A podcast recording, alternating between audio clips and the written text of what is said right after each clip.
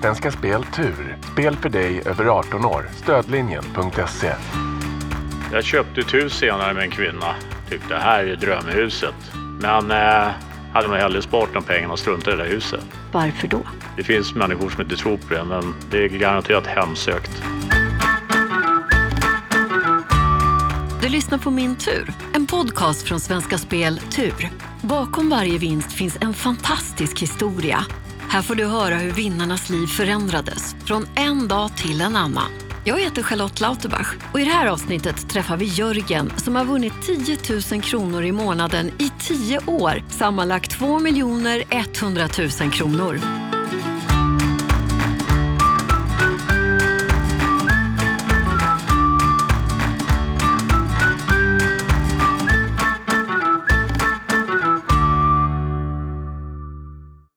Är ju en av de lyckliga som har vunnit 10 000 kronor i månaden i 10 år. Sammanlagt 2 100 000 kronor. Japp. Det är mycket. Hur var den här känslan just det där ögonblicket när du fick veta att du hade vunnit storvinsten? Det var ju en, eh, inte som en chock, men man var ju väldigt glad. Man trodde inte att det var sant. Men man stod ju där med de där stora lotterna, skrapade och fina och såg ju siffror och allting. Så att man kände bara ett glädjerus. Det var helt enkelt jätteskönt att vinna de här pengarna. Det här var ju 2005. Ja. Som jag har förstått är ett år som du kommer minnas resten utav livet. Det hände väldigt mycket, både bra och dåliga saker. Stämmer.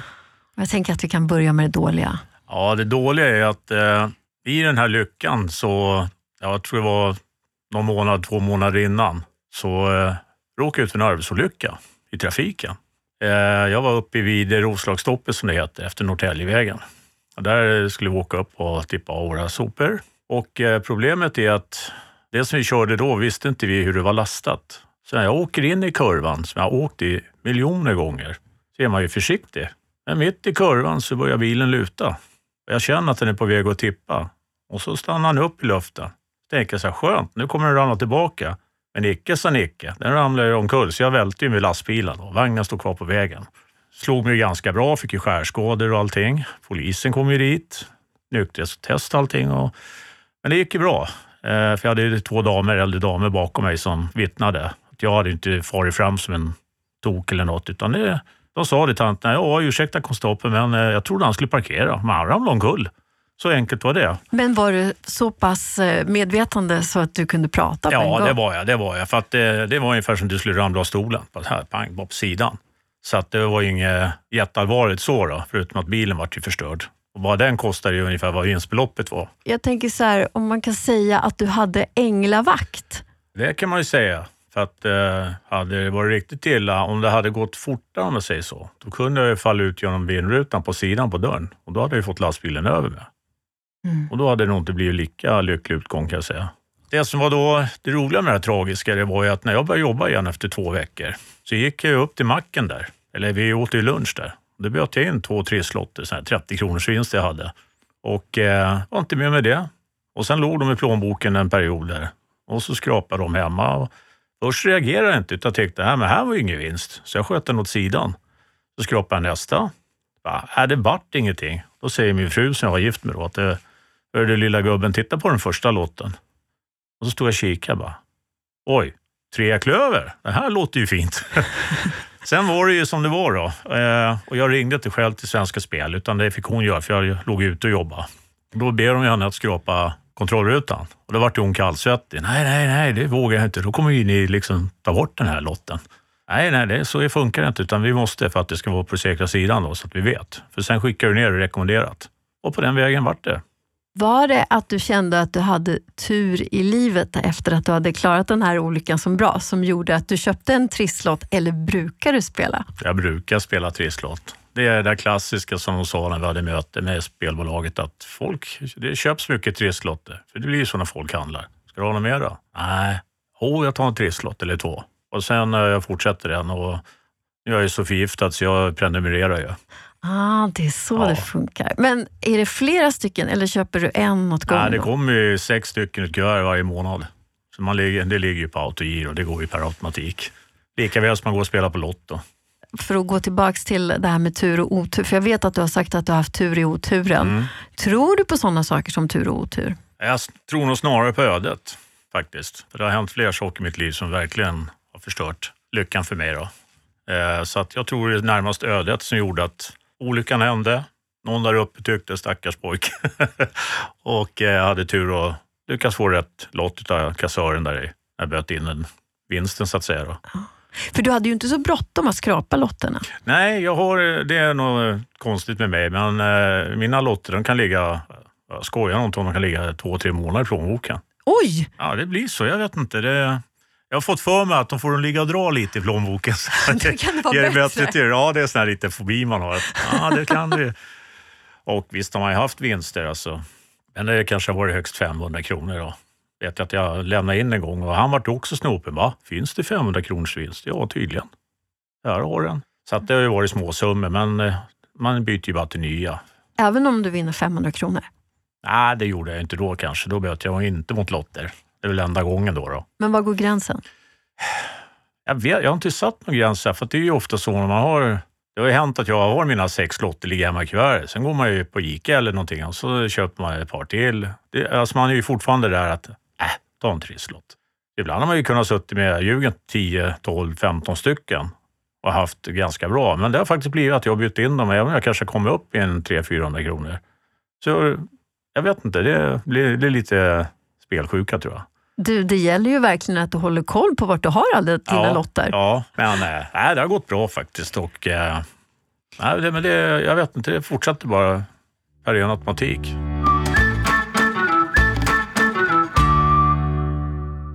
Vart var du när du skrapade lotten? Då var jag eh, hemma faktiskt. Vad gjorde du? Nej, jag gjorde ingenting. Jag kom hem efter jobbet och och jag vet inte hur konstigt att jag tog fram... Jag kom väl på att jag hade tre slotter i plånboken och ställde mig och skrapade i köket. Rent sådär enkelt bara. Och eftersom man var van att inte ha några större vinster så eh, man är, ibland är man lite snabb att bläddra. Som sagt, jag skrapade, nej det där ser inget bra ut. Så la man det åt sidan. Men så visade det sig att det var tre klöver. Men idag är jag ju väldigt försiktig. Idag kan jag sitta och rätta dem tre gånger. Efter det här ja, alltså? efter, faktiskt. Men då så var det bara, äh, det är ingenting. Nej, precis. Du kunde ju ha gått åt pipsvängen. Jag kunde ha slängt den där lika väl. Det var ju tur att hon stod bredvid som var lite vaken. Det var tur. Ja, faktiskt. Verkligen. Men när din fru sa det, titta här, du har faktiskt vunnit. Hur reagerade du? Jag vart nog så snopen så att jag vart rätt ställd. Jag bara, eh, oj, jaha, treklöver. Och, men hon var ju så bleksnabb då var ju nyfiken bara läsa på baksidan vad som händer och sker. Då. Så att eh, jag tror inte man fattade det där riktigt först den dagen eh, de hade möte med oss som hade vunnit. Vi var ju fem eller sex personer som var då på Arlanda och åt lunch då med spelgeneralen, nu kommer jag inte ihåg vad han hette då, men och sen var det ju kvinnan från SE-banken och allting som skulle vara med och förklara hur allting gick till och sådär. Då började man liksom förstå att nu är det nära och man då visste att nu ska jag till tv och skrapa en helg också. Det vart man så här, fan vad häftigt. Man vart lite så här som en pojke och insåg att det här blir ju kul, det blir intressant och spännande. Man hade ju inga såna jätteförhoppningar om storvinsten som många människor har, utan man var ju bara tyckte att det var kul att få komma dit, skrapa och bara hoppas på att man skulle vinna bra peng. Men du, innan det, Mm. jag hörde faktiskt att inte du vågade ringa till Svenska Spel när du hade vunnit. Vem har skvallrat? Jag vet inte. Ja, det kanske jag inte vågade. Jag vet faktiskt inte. Det är nog mycket möjligt. Faktiskt. Det har inte jag tänkt på. Det är nog mycket möjligt att jag har sagt det. Men det var Mm. din fru som ringde. Ja, det var hon som ringde. För det var nämligen så att jag körde långtradare utrikes, så jag var inte hemma så ofta. Så det var nog därför hon ringde. Och tre klöver betyder ju alltså att man får åka till TV4 och skrapa vidare där. Mm. Berättade du för någon att du skulle göra det? Nej, det gjorde jag inte. Eh, det enda vi gjorde det var väl att förvarna svärmor lite då. Så hon satt med, var ju min dotter då, och pojken bland annat, som var framför tvn då. För det här var ju på en lördag tror jag, som vi drog i december. Och eh, så de vart ju snopna vet, när de sa titta pappa på tv. Och de undrade vad fan gör han där? Men där var jag och, och skrapade. Sen var det ju kompisar som efteråt sa det. De hade suttit hemma och tittat då, slötittat på lottodragning. Så bara, han känner, och så speciellt när de talade om det, att det var en lastbilschaufför från Upplands Väsby, då var det ju full rulle. Så då var det några kompisar som hörde av sig och frågade liksom, var det verkligen du? Ja, det var jag. Så att, eh, nej, det var kul. Men Hur reagerade de runt omkring dig då? Nej, det var nog mer att de var liksom glada för min skull. Tyckte det var jättekul. Ja, du har ju tur du också. Ja, ibland händer det som de säger och eh, så var det ju. Så att eh, det var ju inga liksom obehagligheter eller någonting utan det var mer att folk tyckte det var kul och att ja, roligt att du vann liksom. Det var en skön känsla. Det förstår jag. Ja. Eftersom det blir två segrar här. Mm. Först när du skrapat och sen när du varit i tv-studion. Mm. När firade du då? Det, det var nog när jag kom hem tror jag.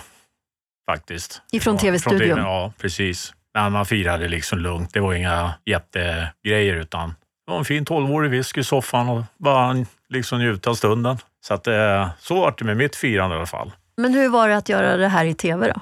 Ja, det var faktiskt kul. Jag tänkte så här, jag kommer bli jättenervös. Men eh, det var så skön stämning när man kom till studion. Det var liksom inte det där, nu är det bråttom och nu ska du dit och du ska ner på sminka och du ska dit. Utan det var att komma upp här och så hade de frukostbuffé och grejer. Och så fick jag min dotter bli lite avundsjuk för då säger min fru så här, du kolla, nu skulle Michelle ha varit med. Jaha, varför det då? Det var ju Agnes Karlsson där, då hade hon precis vunnit Idol på fredagen. Ja, Mm. Så då fick Ja. du träffa henne. Ja. Två vinnare. Ja, så att det, var, det var roligt. Och sen var det något eh, tjejgäng som hade startat en rapgrupp i Rinkeby och den ena var så rolig. Ah, har du vunnit på Lott eller Triss? Ja, jajamän. så de var ju där, för de var ju på intervju då, allihopa. Så att, eh, där hade man ju bild från när man stod och höll om Agnes. Hon var jättetrevlig. Mjuk, eh, glad tjej. Så att, nej, så det funkade bra i studion faktiskt. Och sen när man såg studion för första gången, man har ju liksom inte aldrig varit i en studio sådär. Det stod ju bara massa prylar och rekvisita och väggar här liksom. Man tänkte nog inte så mycket på att man hade en kamera i ansiktet. Utan det, det var mer att man stod och pratade med Malou och, och lite allt möjligt. Och sen stod man och drog trissen då. Nej, det var rätt avkopplande faktiskt. Och Det var avkopplande till ja, och med. Ja, för det, man hade inte det där liksom att titta vad nervös han ser ut och svetten lackar. Och, utan det var, det var ungefär som du och jag pratar så här. jag vet inte varför jag tog det så enkelt. Men eh, det, det var skönt på det viset faktiskt. Att det inte varit någon liksom uppskruvad situation.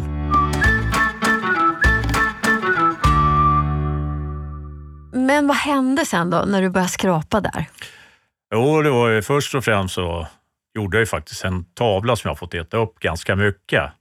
Det var nämligen så att när hon ställde fram kartongen, nu kommer jag inte ihåg vad jag skulle skrapa året då, så tar jag tag i en. Så säger jag, jaha, du tar första bästa, det var den som tog längst fram.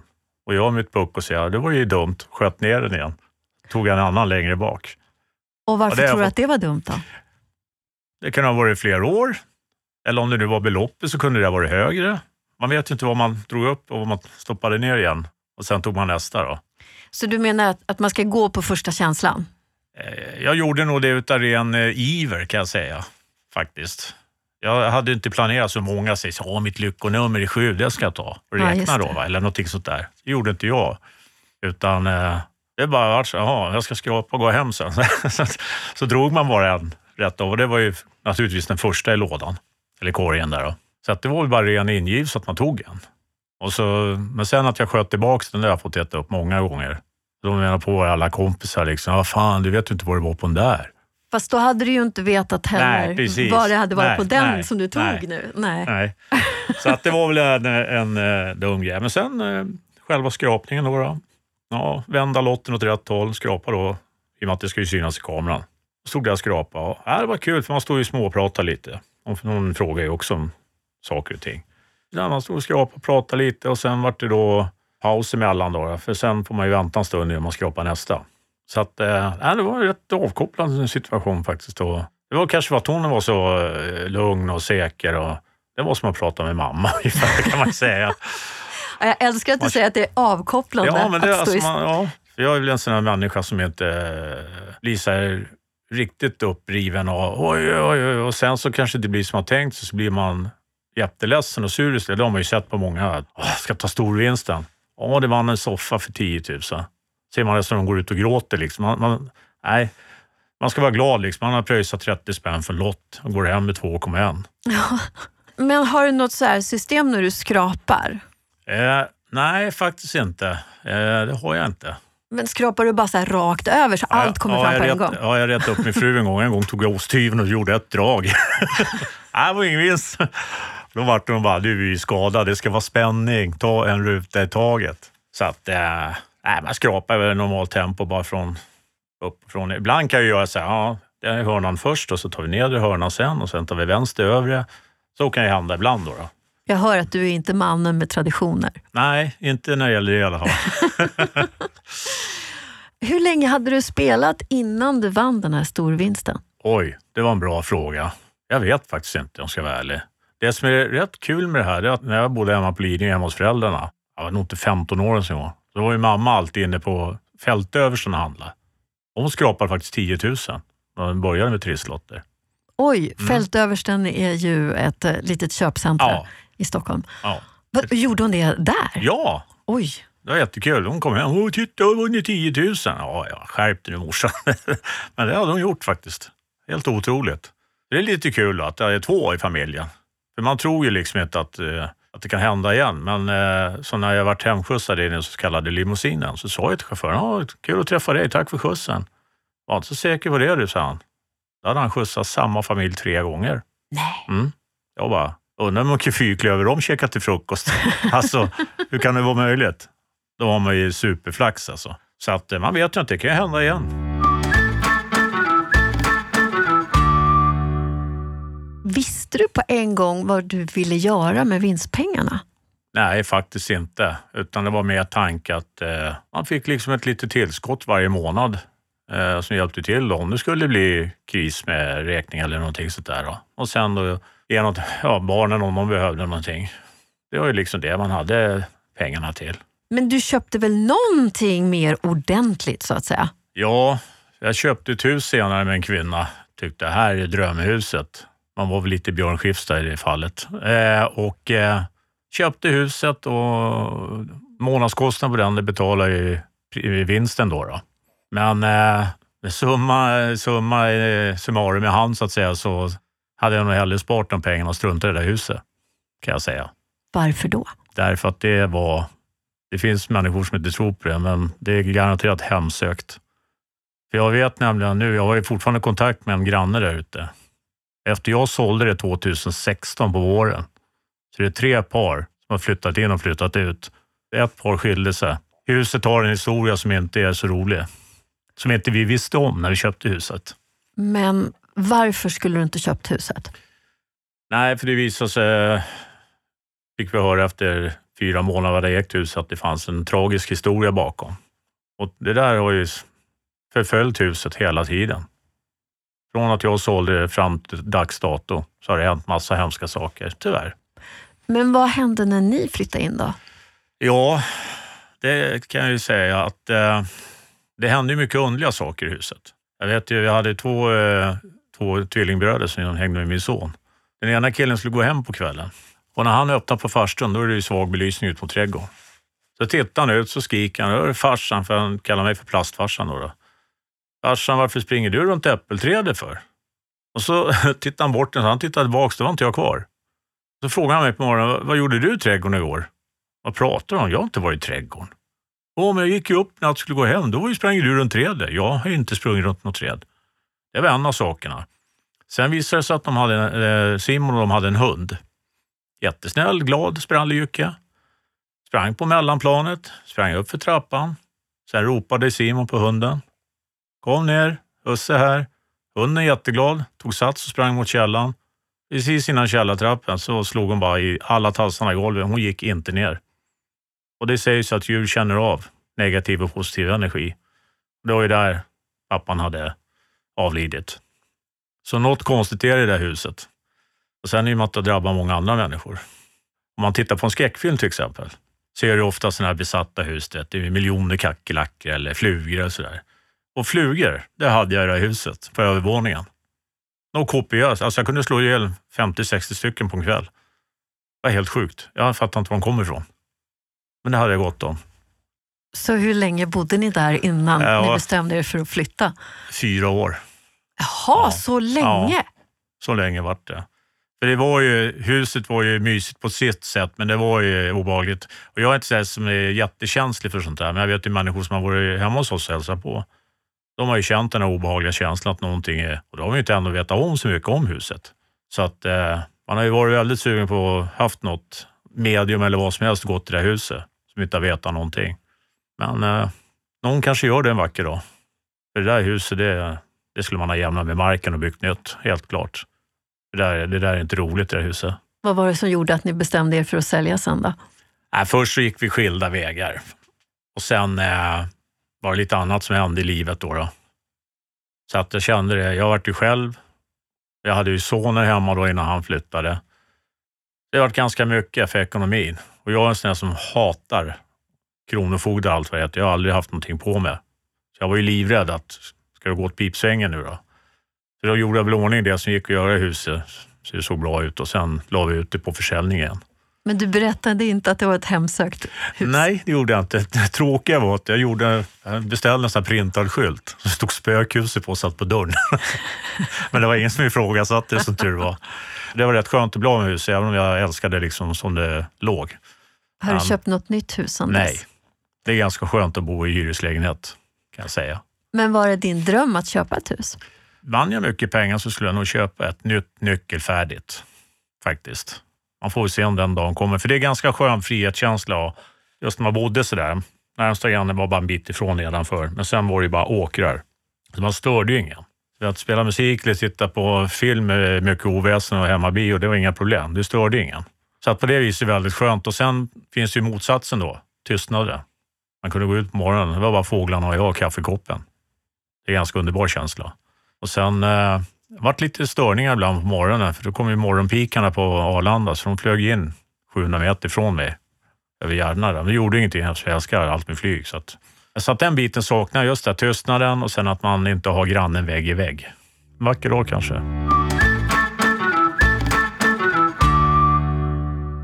Nu är det fem år sedan, sedan sista utbetalningen. På vilket sätt har den här vinsten förändrat ditt liv? Det har förändrat på, på det viset, det är väl egentligen att man känt en trygghet. Man vet att, att det kommer in 10 000 och 15 varje månad, klick på kontot. Man visste att de fanns där. Så man var ju aldrig rädd liksom att skulle det bli en tuff månad så gick man på öronen och fick eh, påminnelser och sånt där. Så att det var ju ganska skönt. Kan man säga att du har förändrats något som person då? Ja, efter, efter faktiskt vinsten tog slut så eh, man har ju varit så många andra med kontokort här, kontokort där. Jag har varit så att jag klippte alla mina kort. Jag har i stort sett bara tankkort och bankomatkort, det är vad jag har. Så du menar att du har blivit mer, Mer- ekonomiskt... Ja, man har mer koll på medveten. ekonomin faktiskt. Man har insett att eh, man måste ha lite styrsel på saker och ting när det gäller ekonomin. Man har varit lite vidlyftig så förut. Ja, den där ska jag köpa. Den där var häftig. Hej hå, hej hå. Man gick och köpte en hoj, mitt i en båge, mitt i alltihopa. Liksom. Gammal hojåkare som man är. Då. Men det var ju mer för att jag skulle övningsköra med pojken då. då. Han ville ta mc-kort, men han var ju så korkad så han tog ju sin bil och åkte olovligt. Sen var den sagan slut. Oops. Men du, och så har du förändrats på så sätt att eh, du tror på hemsökta hus nu. Ja, jag har ju alltid varit lite nyfiken på just det här med andar och den andra sidan. Och, ja, jag, jag är ju som människa. Jag tror faktiskt att det, det finns en annan sida, så är det. Trodde du att en stor vinst skulle kunna förändra dig? Nej, jag tror inte för det. Vi har ju pratat mycket om sånt där kollegor emellan och det. Just det, man har spelat på de här stora lotterierna. Att okej, alltså även om jag vann en miljard, jag skulle inte kunna sluta jobba. Jag behöver den där sociala biten och jag, många andra bara, Åh, jag ska resa jorden runt, jag ska köpa hus och flygplan och jag vet inte vad de drömmer om. Men alltså nej, jag skulle inte greja det. Och för det andra så pockar det på uppmärksamhet om man börjar bli för vidlyftig så att säga. Men vad skulle du göra med pengarna då? Mycket skulle jag nog eh, lägga på mina barn. Så de hade en riktig buffert att klara sig i livet. Med tanke med att sonen har fått barn, dottern får i oktober, så skulle jag ja, mina barn framför allt skulle jag hjälpa jättemycket. Men samtidigt skulle man ju ställa krav på dem när det gäller pengarna, speciellt min son. Men eh, det är väl den biten. Sen visst, man skulle säkert unna sig någon eh, schysst bil eller sådär. Sen, många tycker att man är korkad, men jag skulle nog kanske starta eget med egen bil istället och börja jobba åt mig själv. Sådär då. Så jag längtar lite tillbaka till det här med utlandstrafiken och det då, som man hade jobbat med förr. Så det är väl det jag skulle göra. Det skulle inte bli någon sån här jättegrejer faktiskt. Det skulle bara vara en skön grej. Man vet att jag behöver inte vara orolig när månaden kommer, månadsslutet kommer. Det finns alltid pengar. Sen skulle jag ge bort, bland annat till Järnfonden, skulle jag ge en stor summa. Och just sådana saker. Eh, I och med att jag har själv fick en skallskada som gjorde att jag höll på att stryka med. ett par år efter det, eller ett par år innan rättare sagt. Och sen eh, pappa hade stroke. Och jag har läst väldigt mycket om hjärnan. Jag är så fascinerad av den. Och jag förstår ju hur pass viktig den är. Och eh, det var så pass intressant så att när vi skilde oss faktiskt så hade jag en, en CD-ROM som det hette då. Så jag köpte på Hjärnfonden när jag gick med där. Som handlar just om det här med ungdomar och slagsmål. Då följde de en kille som hade gått emellan på ett slagsmål. Det räckte med en smäll. Han föll tillbaks till spädbarnsåldern. Han fick börja om helt nytt igen. Den var så bra, för att det fick ju barnen att förstå att huvudet är så fruktansvärt känsligt. Och då var det så att hon, då var hon föreläste i skolor. Då ville hon låna den. Och där är den än idag. Jag hade fått tillbaka den. Men eh, så att eh, just sådana som Hjärnfonden och Lungfonden, så här, det, det skulle jag ge en bra slant till, helt klart. Det måste ju forskas vidare. Då hoppas jag att du kommer vinna storvinsten Ja, igen. jag med faktiskt. Man ska tänka på att man vill faktiskt dela med sig till det som behövs. Med tanke på allt som händer då inom forskning och det. Tack snälla du för att du delade med dig både utav det roliga men också det tuffa i ditt liv.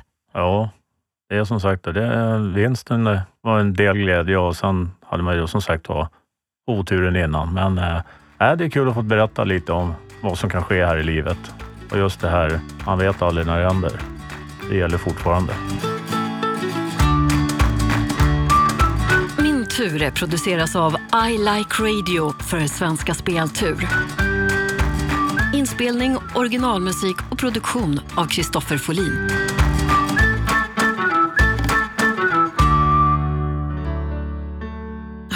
Eller någon du känner en bra vinnarhistoria?